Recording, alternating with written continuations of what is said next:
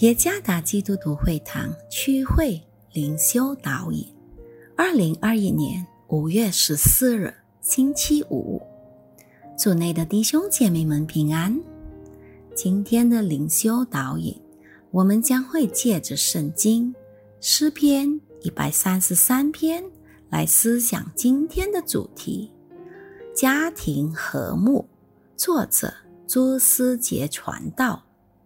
诗篇一百三十三篇，看呐，弟兄和睦同居是何等的善，何等的美！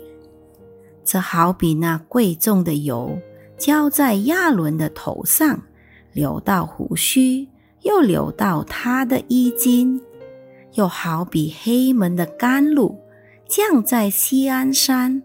因为在那里有耶和华所命定的福，就是永远的生命。有一次，当我探访一对年纪老迈的夫妇时，我问道：“公公婆婆，我能为你们带到些什么事项呢？”他们回答说：“为我的孩子们、孙子们带到吧。”希望他们都能身体健康、和睦相处。我接着又问：除了为他们的身体健康、和睦相处代祷以外，还有其他什么事项吗？他们异口同声的回答说：“没有别的，只有那项而已，够了。”这似乎。没有比身体健康、和睦相处更为重要的带导事项了。那就是当我问老年人对孩子们与孙子们的心愿时，总是会发现的。知者说的实在是对的。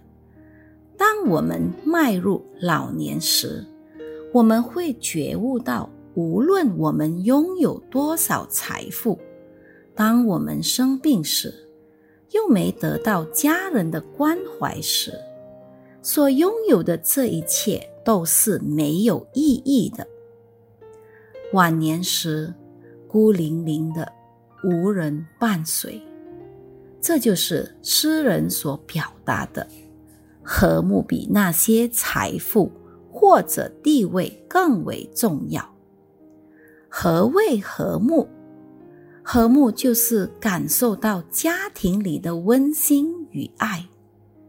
对大卫而言，写成诗篇一百三十三篇，不仅是字面上的语言或者歌词，更是从他本身内心里的盼望与渴望。大卫把他与孩子们的关系。弄得一团糟。他曾经遭受自己儿子押沙龙的叛变，甚至他的其他孩子们也经常互相对立、互相斗争，实在太讽刺了。如此黑暗的关系，使大卫意识到。没有什么能比和睦同居的家庭生活更为美善。现今有很多家庭为了一些芝麻绿豆的小事而纷争不已，不管是遗产、土产、财产还是什么的。然而，切记，就算我们能拥有很多财富，或者怎么成功，也无法买到家庭里的和谐与爱。千万别为了一些分文不值的事来出卖或者交换和睦。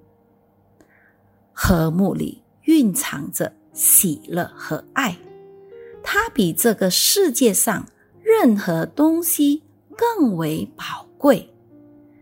愿上帝赐福大家。